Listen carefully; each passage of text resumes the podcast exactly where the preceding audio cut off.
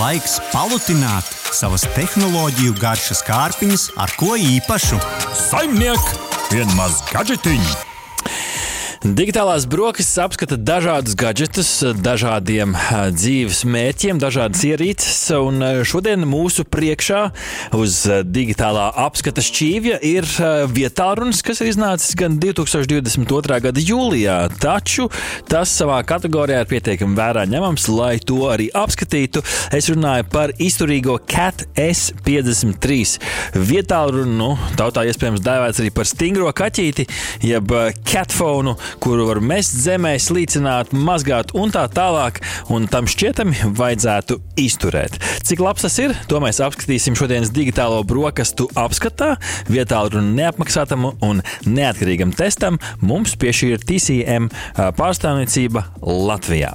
Sāksim ar pašu telefonu. Protams, radio klausītājiem dažkārt ir grūti norakstot, kā tad ierīce izskatās, bet, nu, paņemot rokā, tu jūti, ka tev ir patiešām rokā branks telefons. 6,5 colu ekrāns, es jau teiktu, ka mūsdienās tāds standarts, bet salīdzinot ar S52 ar iepriekšējo versiju, šis telefons, atšķirībā nu, šeit, no pilnīgi visiem citiem telefoniem, šajā paudzē ir kļuvis smagāks un biezāks. Kāpēc tā? Tāds interesants jautājums radās arī man. Mums bija tā iespēja, starp citu, arī aprunāties ar Bullet produktu divīzijas vadītāju Pīteru Cunninghamu par šo jauno produktu, un pāris interesants atbildes un izskaidrojums no viņa puses, kāpēc tas ir kļuvis lielāks un biezāks. Nu, tāds oficiāls skaidrojums mūsu klientiem, kuriem šāds telefons ir vajadzīgs, viņiem nesot svarīgi, ka tas telefons ir mazāks vai plānāks, svarīgi esot funkcionalitāte. Nu, vai tas tiešām ir tik labi?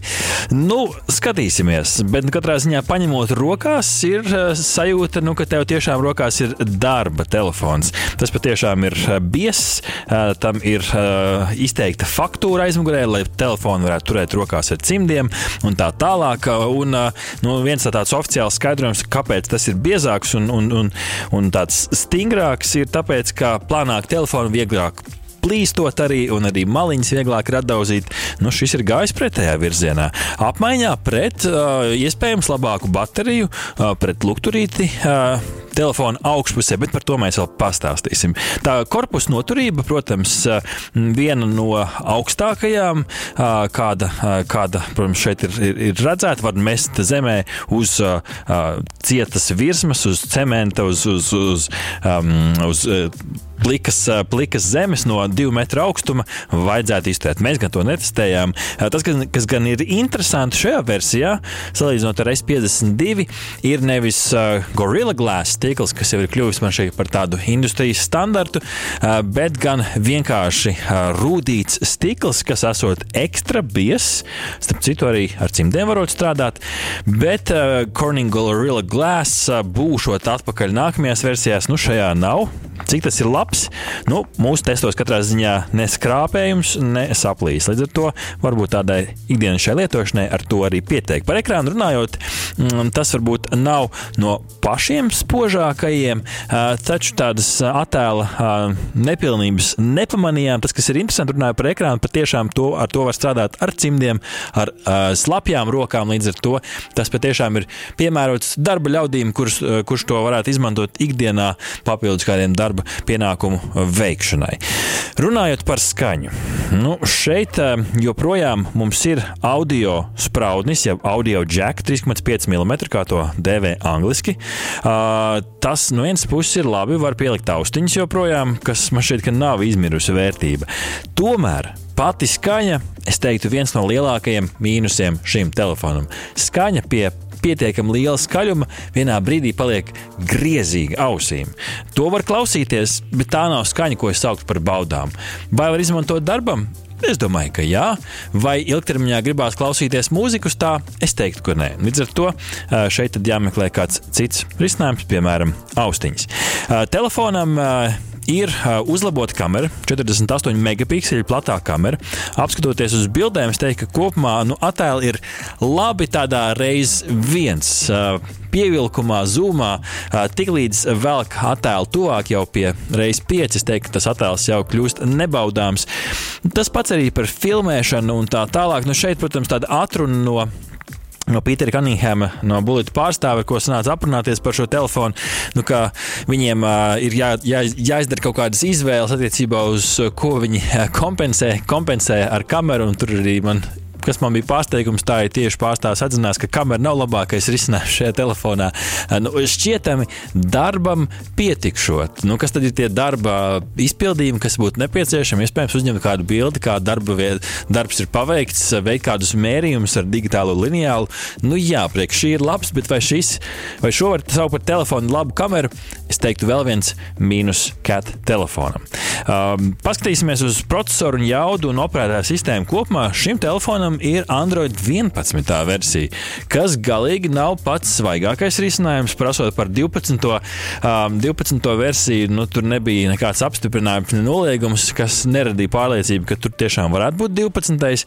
12. versija kādā brīdī virsū. Uh, to rādīs tikai laiks, um, bet um, nu, konkrēti lietošanas laikā un testējot ar kaut kādām arī nedaudz vienkāršām gan spēlēm, ne tā, nekādas aizķeršanās pagaidām nemanīja. Līdz ar to Snapdragon processors dara savu. Nu, es iepriekš pieminēju bateriju. Iepriekš pieminēju bateriju 5500 mAh, kas ir gandrīz nu, par pusotru reizi lielāka nekā 52. versijai, un patiešām bateriju gan var just. Ja telefons liels un smags, tad baterija patiešām iztur līdz divām dienām, jau vesels divas pilnas dienas, kas kas nu, tādā mūsdienu vietā un pasaulē ir kaut kas ārpus tāda uh, standarta, parastā, mm, nu, šietami fast charging minimuma 18 vatu uzlāde, kas var, ir, ir labs, labs, labs rādītājs. Ir arī bezvadu uzlāde, bet tā gan ir pati, nu, nav, nav noteikti tā ātrākā QI standarta uzlāde, tāds lēnais standarts. Lietojamības plus un mīnusi.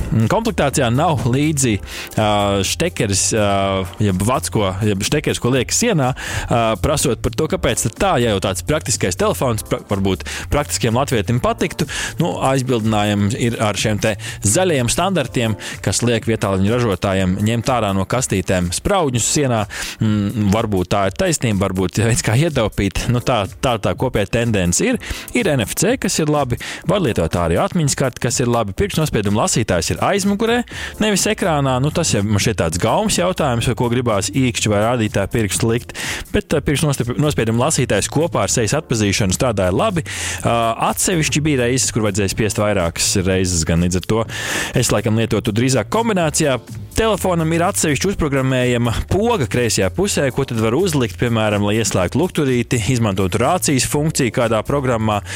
Tas ir patiešām parocīgi, patīkami. Kas ir interesanti, lukturīts ir šī vietā ruņa augšpusē. Interesants risinājums, jo parasti jau lukturīts ir pie kameras moduļa, bet šeit lukturītis ir ekrāna augšpusē. Kāpēc tā? Šķietami, lai lukturīti padarītu gaišāku, kāds ir oficiālais skaidrojums, un patiešām lukturītis ir lielāks, var, viņa līdz ar to var ērtāk izvietot. Tādā ziņā cepurnost nav slikta inovācija. Kas vēl interesanti, šo vietā runu var iemest cēlsūdenī, bet tas pēc tam gan jānomaksā, jā, jānomazgā, atvainojos.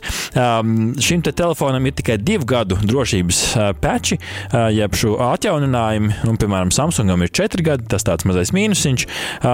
Un pats pēdējais, pats pēdējā lieta, kas man nedaudz sarūktināja, štekers šķietam ir aiz aizsarga vāciņa, šķietam dziļāks nekā citiem telefoniem, bet līdz ar to es tādu standarta vadus tur vienkārši nevarēju iesprāst. Vajadzēja izmantot līdzi komplektā nākošo lādēšanas vadu. Tāds platāks Android lādēšanas vads tur vienkārši negāja iekšā. Līdz ar to nu, tur tas viss zaļums arī nedaudz apstājās.